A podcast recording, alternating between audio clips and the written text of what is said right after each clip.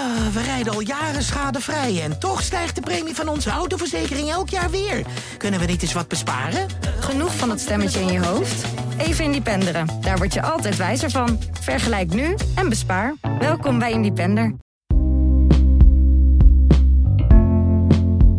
Hallo, mijn naam is Shaila Ziedelzing en dit is de Volkskrant Elke Dag. En dat is de dagelijkse podcast van de Volkskrant waarin we met de experts van de redactie doornemen hoe de wereld onder onze ogen aan het veranderen is. En vandaag doen we dat met Pieter Klok. Dag Pieter. Dag, Shaila. En met Willem Veenstra. Dag Willem. Hi Shaila. En met Abel Bormans. Dag Abel. We doen dit uh, in deze samenstelling omdat we het gaan hebben over het verhaal in de Volkskrant. Over de cultuur op de NOS Sportredactie. Bij Mhm. NOS Sport. Uh, Willem, Abel, jullie hebben dat verhaal gemaakt samen met uh, Maud Efting, met z'n drietjes. Zijn daar heel lang mee bezig geweest. Eerst even, waarom dit verhaal? Waarom hebben jullie dit verhaal gemaakt, Willem? Eigenlijk eh, vloeit het voort uit eh, een van onze vorige verhalen over de wereld draait door. Mhm. Eh, dat hebben we in november eh, vorig jaar gepubliceerd. Destijds kregen we tientallen tips uit allerlei hoeken van de samenleving en ook veel uit de mediawereld. Een van die tips ging over eh, NOS Sport. We hebben toen alle tips op een rij gezet en gekeken van waar ligt eigenlijk een verhaal wat wel eh, een nieuw licht werpt op ehm, de situatie in Hilversum of op het Mediapark. Hadden we, we, we hadden de indruk dat daar wel dingen scheef zitten. En we kregen het gevoel dat dat hier eh, het geval was. Uit het onderzoek blijkt eigenlijk dat, er, dat heel veel mensen die daar werken, eh, bijvoorbeeld vrouwen of mensen met een migratieachtergrond, te maken krijgen met eh, uitsluitingsmechanismen, eh, met eh, allerlei eh, hele vervelende opmerkingen. En soms ook met toenaderingspogingen van, eh, dat gaat dan om vrouwen natuurlijk, met toenaderingspogingen van mannen met status die eh, nou ja, proberen eh, te kijken of er misschien meer dan een collegiale band in zit. En natuurlijk gaat het heel erg over de hoofdredactie, wat de hoofdredactie wist. Er zijn veel meldingen gedaan in de loop der tijd. Uit de eigen inventarisatie van NOS Sport blijkt dat het bijna 100 eh, meldingen zijn. En hoe daarop geacteerd is. Tegelijkertijd er loopt een onderzoek natuurlijk, hè, ook vanuit de, de commissie van Rijn. We dachten en we denken nog steeds trouwens dat, uh, dat wij daar een rol in hebben. Ja, dat het moet je even toelichten. Het onderzoek vanuit de commissie van Rijn, dat is een onderzoek naar... Het onderzoek van de commissie van Rijn gaat over de publieke omroep en uh, dynamieken die er uh, aan ten grondslag liggen, dat er daar uh, dingen heel erg scheef zijn gegroeid. En als je zegt scheef gegroeid, waar moeten we dan aan denken? Ja, dat zijn uh, wat ze dan noemen systemische oorzaken. Dus dat gaat bijvoorbeeld over flexcontracten, maar ook een, uh, een focus op, uh, op kijkcijfers. dat zijn onderdelen die, die Van Rijn al eerder genoemd heeft. Ja. Maar ze zijn dat verder aan het onderzoeken as we speak. Dus misschien komen daar ook dingen naar voren die, ja, die wij nog niet weten. Ja, precies. En jullie hebben je dus heel erg geconcentreerd op de redactiecultuur bij NOS Sport. Dat is een heel ongrijpbaar iets eigenlijk. Hè? Hoe breng je zoiets in kaart? Uh, hoe bepaal je of er nou eigenlijk rare dingen zijn gebeurd? Hoe ga je daarbij te werk? Uh, allereerst probeer je natuurlijk mensen te spreken die daar uh, binnen die cultuur werken. Mhm. Mm -hmm. En bij de Wereld Door waren dat, hebben we heel veel mensen gesproken. Maar dat kwam ook omdat daar een enorm, enorm verloop was. En omdat het zich in een periode van 15 jaar uh, heeft afgespeeld. Hier zitten heel veel mensen die daar al tientallen jaren werken. Uh, dus die ook een goed beeld hebben van de cultuur misschien, maar er ook onderdeel van zijn. Ja. En uh, wat je volgens probeert is te kijken, zijn er in die verhalen veel dingen die telkens terugkomen. Die eigenlijk iedereen zegt of aanstipt. Of voorbeelden waarvan wij vinden, nou ja, dit is exemplarisch voor hoe het er daaraan toe gaat. Dus dat hebben we geprobeerd. Ja, en jullie hebben het verhaal van Aisha Margadi eruit uh, gehaald. In haar verhaal, zij kwam nieuw, eigenlijk tamelijk bleu op die redactie, wist niet zo heel veel van sport, kreeg een, een vrij prominente positie als presentator. En zegt eigenlijk vanaf dag één ben ik uh, niet geholpen, gepest, buitengesloten. Op allerlei manieren is mij daar eigenlijk het werk onmogelijk gemaakt. Is dat nou exemplarisch voor hoe het is als je daar relatieve buitenstaander binnenkomt? Ja, dat vinden wij wel. In, uh, in haar verhaal komen uh, verschillende problemen die daar op die redactie speelden, die komen samen. Uh, inderdaad, zoals je al zei, de omgang met vrouwen, avances die er werden gemaakt. Maar ook andere, andersoortige vooroordelen die, die spelen. een vrouw met een migratieachtergrond. Uh, daar werden ook grappen of toespelingen over gemaakt. Ja, dat zijn een aantal van die, van die belangrijke problemen die daar speelden. Ja. Het feit dat zij als, hè, zij, zij is uh, gevraagd om daar te komen door, door de uh, hoofdredactie van NOS Sport. Dus ze heeft niet zelf actief gesolliciteerd. Ze is gewoon gevraagd, ze werkte bij AT5. Zij is al voordat ze begon, op haar eerste werkdag, door de hoofdredactie gewaarschuwd. Weet dat uh, er veel jaloezie heerst hier op de werkvloer. En dat er mensen aan je stoelpoten zullen gaan zagen. En uh, dan kun je nog zeggen van ja, nou, dat zegt zij. Wie zegt dat dat waar is? Maar dit horen wij ook van andere nieuwkomers die uh, belangrijke rollen gaan vertolken binnen die redactie. Dat zij dezelfde waarschuwing kregen. Dus ja, dat vonden wij wel belangrijk. Jullie verhaal liep eigenlijk parallel met een eigen inventarisatie van de NOS. Want NOS Sport heeft na het verhaal van de Wereldtijd door gezegd: we gaan op onze eigen redactie kijken wat er hier eigenlijk allemaal speelt. Want er waren natuurlijk al signalen en gevoelens van onvrede. Uh, die inventarisatie is donderdag uh, vrijgekomen. Althans, donderdag heeft de hoofdredactie en de, en de directie daar kennis van genomen. En vrijdagavond stond het verhaal van de Volkskrant online. Heeft dat nog met elkaar te maken, de timing van die publicatie van die inventarisatie van NOS en van, en van ons? Van onze kant niet, maar vanuit de NOS weet ik dat natuurlijk niet. Nee. Wat wij wel weten is dat wij waren aan ons onderzoek begonnen uh, en, en, daarna hebben zij pas een inventarisatie aangekondigd. Mm -hmm. Dus misschien is dat omdat ze gedacht hebben, nou ja, we, we, merken dat er veel mis is. We moeten toch maar eens op, een op een rij laten zetten. Misschien is het ook geweest omdat ze dachten, nou, de Volkskrant is kennelijk bezig met een onderzoek, laten we dat dan ook zelf doen. Het liefst hadden wij eerder willen publiceren, maar wij kwamen daar gewoon niet eerder toe. Omdat we nou, niet, zo, niet zo snel konden reageren en je het wederhoorproces ook niet heel snel wil doen. Ja dat zij donderdag naar buiten zijn gekomen, dat zou je aan hun moeten vragen of dat toevallig is. Of niet. Ja, die publicatie, of in elk geval, dat is niet officieel gepubliceerd, maar dat het er is, dat er zo'n inventarisatie ligt, heeft ook al heel wat losgemaakt. Onder meer uh, Marijn de Vries, de wielrencommentator, oud-wielrenster, die vrijdag um, in NRC Handelsblad, waar ze een, een column heeft, een rubriek heeft, vrij uitgebreid heeft geschreven over haar ervaringen, die ook niet uh, heel fijn waren met en seksuele intimidatie en uiteindelijk toch ook een beetje weggepest bij de avondetappe. Was dat nou een verhaal waarvan jullie zeiden, oh hadden wij dat ook geweten, dan hadden we dat in ons verhaal verwerkt?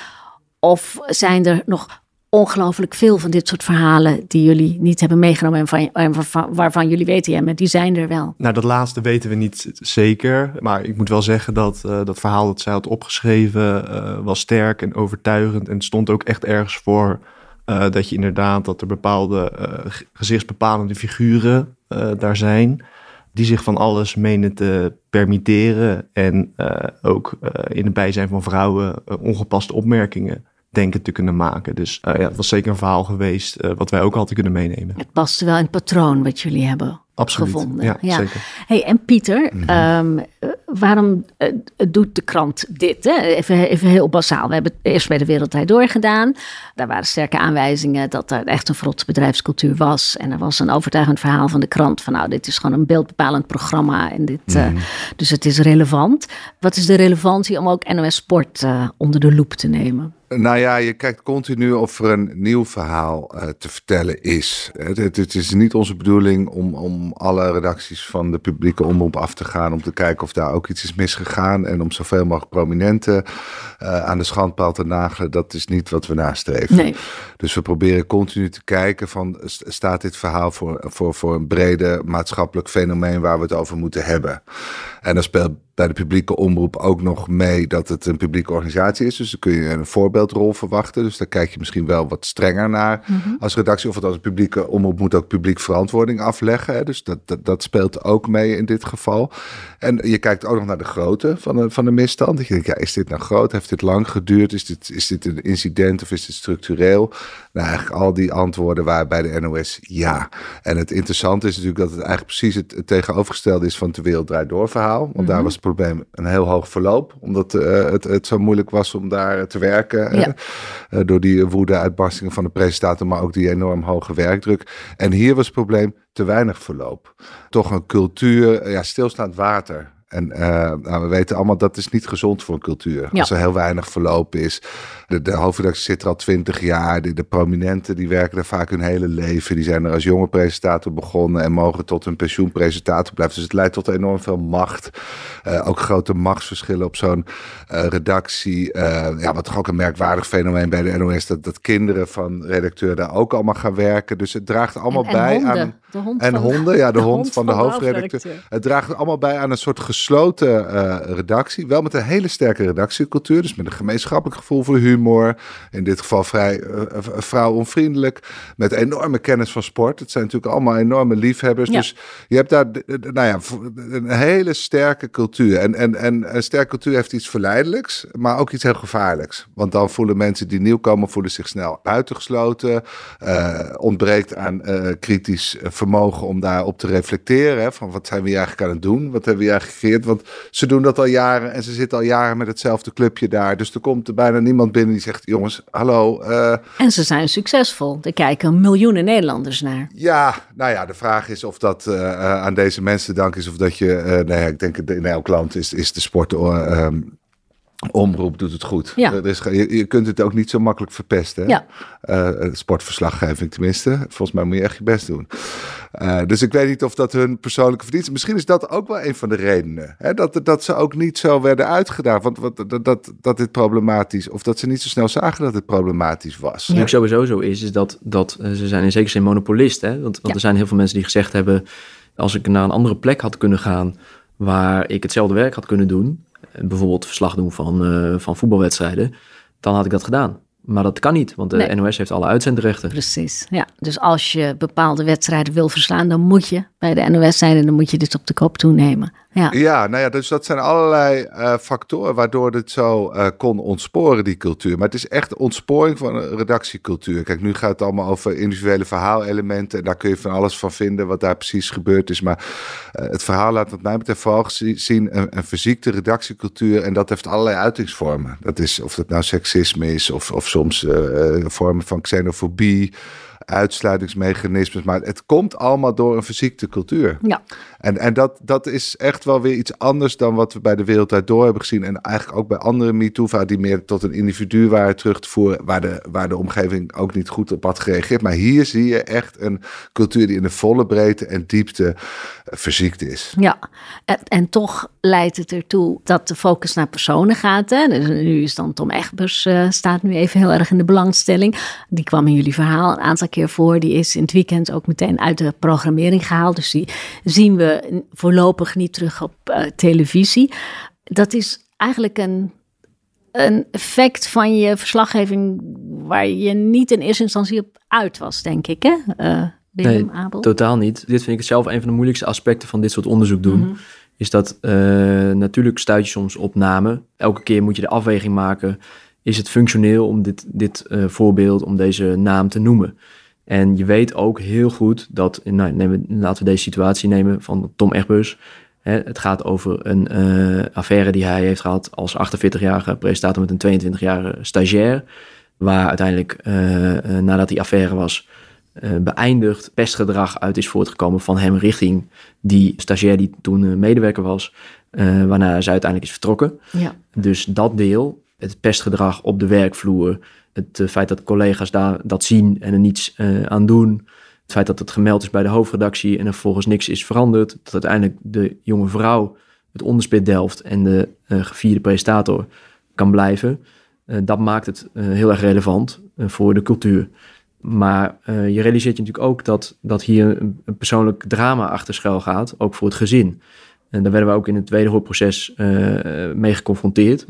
Ehm, en dat is verschrikkelijk. Ik vind dat heel, dat zijn hele lastige afwegingen. Uiteindelijk zijn we tot de afweging gekomen dat we wel vonden dat, het, eh, dat we eigenlijk niet omheen konden om dit te noemen. Je ziet nu dat, dat ook ge- gezien de reactie van eh, zijn vrouw Janke Dekker, die voorzitter is van, eh, was moet ik zeggen, van Meldpunt eh, Morris voor misstanden in de televisiewereld. Aan die reactie zie je ook wat dat losmaakt bij een gezin. Ja, want zij is eh, in het geweer gekomen tegen de Volkskrant. Eh, Pieter, Ja. eh, zij, zij, zij is met een advocaat, eh, advocaat in de arm genomen, Richard Korver. En heeft ook de Volkskrant beschuldigd van slecht wederhoor of Ja, onvolledig wederhoor ja. of niet goed weergegeven wederhoor. Wat, wat is precies hier aan de hand? Nou ja, het, het is ons niet helemaal duidelijk waar wij nou iets niet goed hebben gedaan. Kijk, kijk, wij wilden heel graag met haar praten, heel uitgebreid met haar praten. Daar hebben we ook alles voor gedaan. En, en, en zij hield dat af en verwees naar een advocaat. En dan was niet duidelijk namens wie die advocaat precies opereert. Dus het was heel moeilijk om een goed gesprek met haar te voeren. Dus er Dat- is geen gesprek geweest tussen de krant en Janke Nee, en dat Ja. vonden wij heel vervelend, want we wilden niks liever dan uitgebreid met haar praten. Uh, dus dat is heel ingewikkeld. En, en, ja, en nu gaat ze dan achteraf zeggen: ja, maar jullie hebben mij niet gehoord. Maar het is eigenlijk niet goed duidelijk welke relevante informatie zij heeft. Het is me nog steeds niet duidelijk, ook niet mhm. na een uitgebreid interview in het AD, die een heel ander licht op de zaak werpt. Ze lijkt de indruk te willen wekken dat dus uh, die vrouw eigenlijk min of meer Tom Egbers een beetje intimideerde ja. uh, nadat hun relatie afliep en dat daar zelfs politiebescherming nodig was.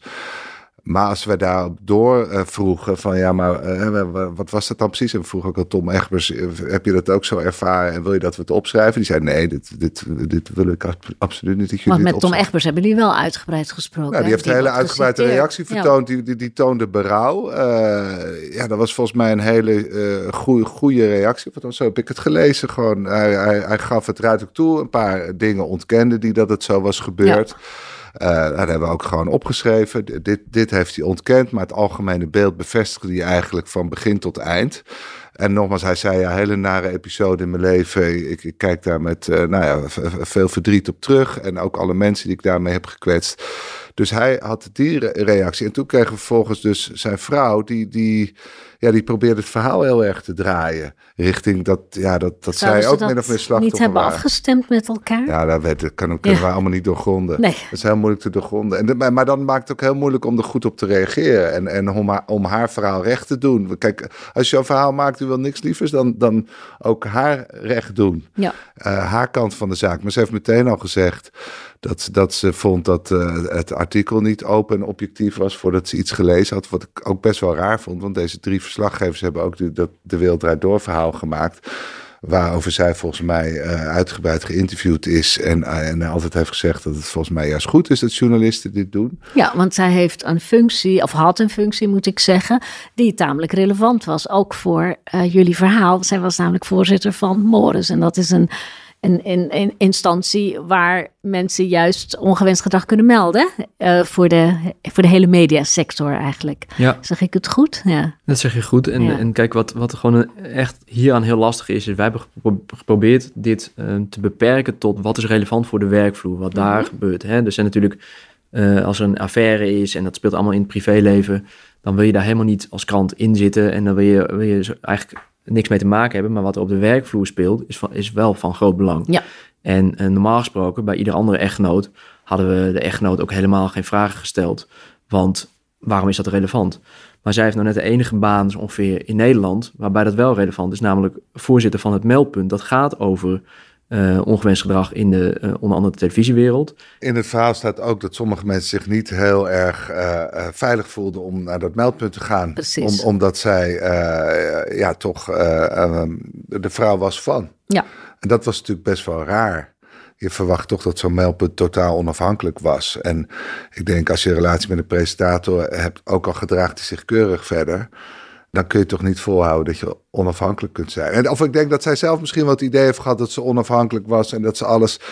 Maar er is natuurlijk altijd verschil hoe je zelf dingen ervaart en hoe de buitenwereld het ziet. En ik denk dat het toch wel logisch was geweest als zij zich had gerealiseerd van nou, misschien is het toch niet zo'n goed idee uh, dat ik dat doe.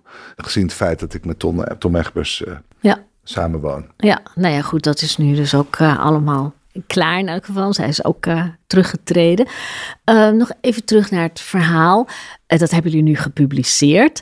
Heeft meteen allerlei effecten gehad. De, de hoofdredactie is afgetreden. Dat is um, ook mede naar aanleiding van een verklaring die ze zelf hebben uitgedaan. nadat hun interne inventarisatie was geweest. Waarin ze zeiden: ja, we gaan op termijn terugtreden dat bleek de redactie ook een beetje raar te vinden. Dus uiteindelijk is de hoofdredactie afgelopen zondag gisteravond uh, teruggetreden. Was dat nog een effect wat jullie hadden voorzien? Nou, je weet dan natuurlijk nooit van tevoren uh, wat ze gaan doen. En uh, donderdag was het inderdaad nog een gefaseerd aftreden. daar zijn ze op teruggekomen. Misschien op basis van de publicatie. misschien ook inderdaad vanuit interne druk ja, dat weten we niet precies, maar zo'n dynamiek uh, komt vaker voor na zo'n uh, publicatie. Ja, daar hou je wel rekening mee als je zo'n verhaal hebt geschreven. Dat, dat, dat wat het allemaal losbrengt, hè? Ja. En hoe gaan jullie nu verder hiermee? Is het voor jullie hiermee klaar? Nou, dat weten we nog niet. ja, ook daar hangt het er weer vanaf wat we horen, wat misschien een heel nieuw licht op de zaak werpt. Of of het toch nog, nog, nog ernstiger is dan we hebben beschreven. Ja, goed, we zullen dezelfde afweging maken als de vorige keer. En nogmaals, we zijn er echt niet op uit om de een naar de andere presentator uh, te onderzoeken of die zich misschien ook nog misdragen hebben. Dat, dat is helemaal niet interessant. En dat vind ik, we willen ook geen trial by media uh, in principe. Dus, dus we zullen, maar we gaan natuurlijk wel luisteren. Of, uh, of, of, er toch nog verhalen zijn die we over het hoofd hebben gezien. Ik begin ook nu tijdens het gesprek te realiseren dat misschien die monopoliepositie van de NOS, dat die hier ook min of meer aan bij heeft gedragen. Dus ik denk ook in de analyse gaan we misschien ook nog wel verder kijken van, van wat is hier nou precies misgegaan en welke factoren komen hier allemaal samen. Dit is voor mij echt een nieuw element. En, en zie je dit bij meer sportredacties die, die, die monopolieposities hebben. Dus ik denk ook dat daar nog wel wat uh, te halen valt. Dank jullie wel. Graag gedaan. Graag gedaan. En u luisteraar, weer heel veel dank voor het luisteren. Dit was de Volkskrant Elke Dag. En wilt u nou meer genieten van onze journalistiek, want deze podcast is gratis, maar onze journalistiek is dat niet, dan kunt u gaan naar www.volkskrant.nl slash podcastactie en dan kunt u heel voordelig een abonnement afsluiten op onze krant en nog veel meer prachtige verhalen lezen van al onze experts. Dit was de Volkskrant Elke Dag. Morgen weer een nieuwe. Tot dan!